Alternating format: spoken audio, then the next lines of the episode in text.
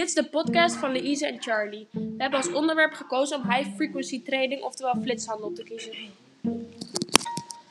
Flitshandel, ook bekend als high frequency trading, is een methode om te speculeren op valuta en aannemingskoersen, waarbij in zeer korte tijd, minder dan een seconde, zowel gekocht als verkocht wordt.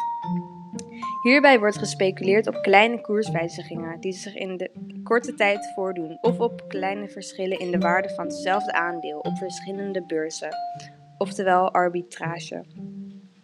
Door binnen een fractie van een seconde te kopen, te verkopen en meteen weer te kopen, kunnen met kleine koersverschillen grote winsten gemaakt worden. Flitshandel gebeurt volledig geautomatiseerd. Concurrentie hangt niet zozeer af van inzicht, maar juist van de snelheid waarmee de hardware en software reageert in combinatie met een snelle dataverbinding. Flitshandel wordt sinds eind jaren 90 toegepast en wordt sindsdien steeds populairder en ook steeds meer gebruikt. Flitshandel zorgt ook voor maatschappelijke risico's. In de Verenigde Staten is ongeveer 75% van de beurshandel flitshandel en zal dit mogelijk steeds meer worden.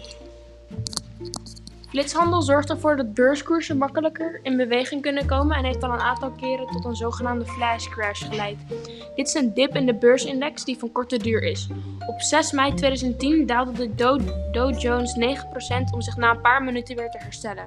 Hier staat tegenover dat flitshandel de koersen en koersverschillen ook juist kan stabiliseren en dat mogelijk, mogelijk tot kleinere verschillen tussen de bied- en laadprijs heeft gezorgd.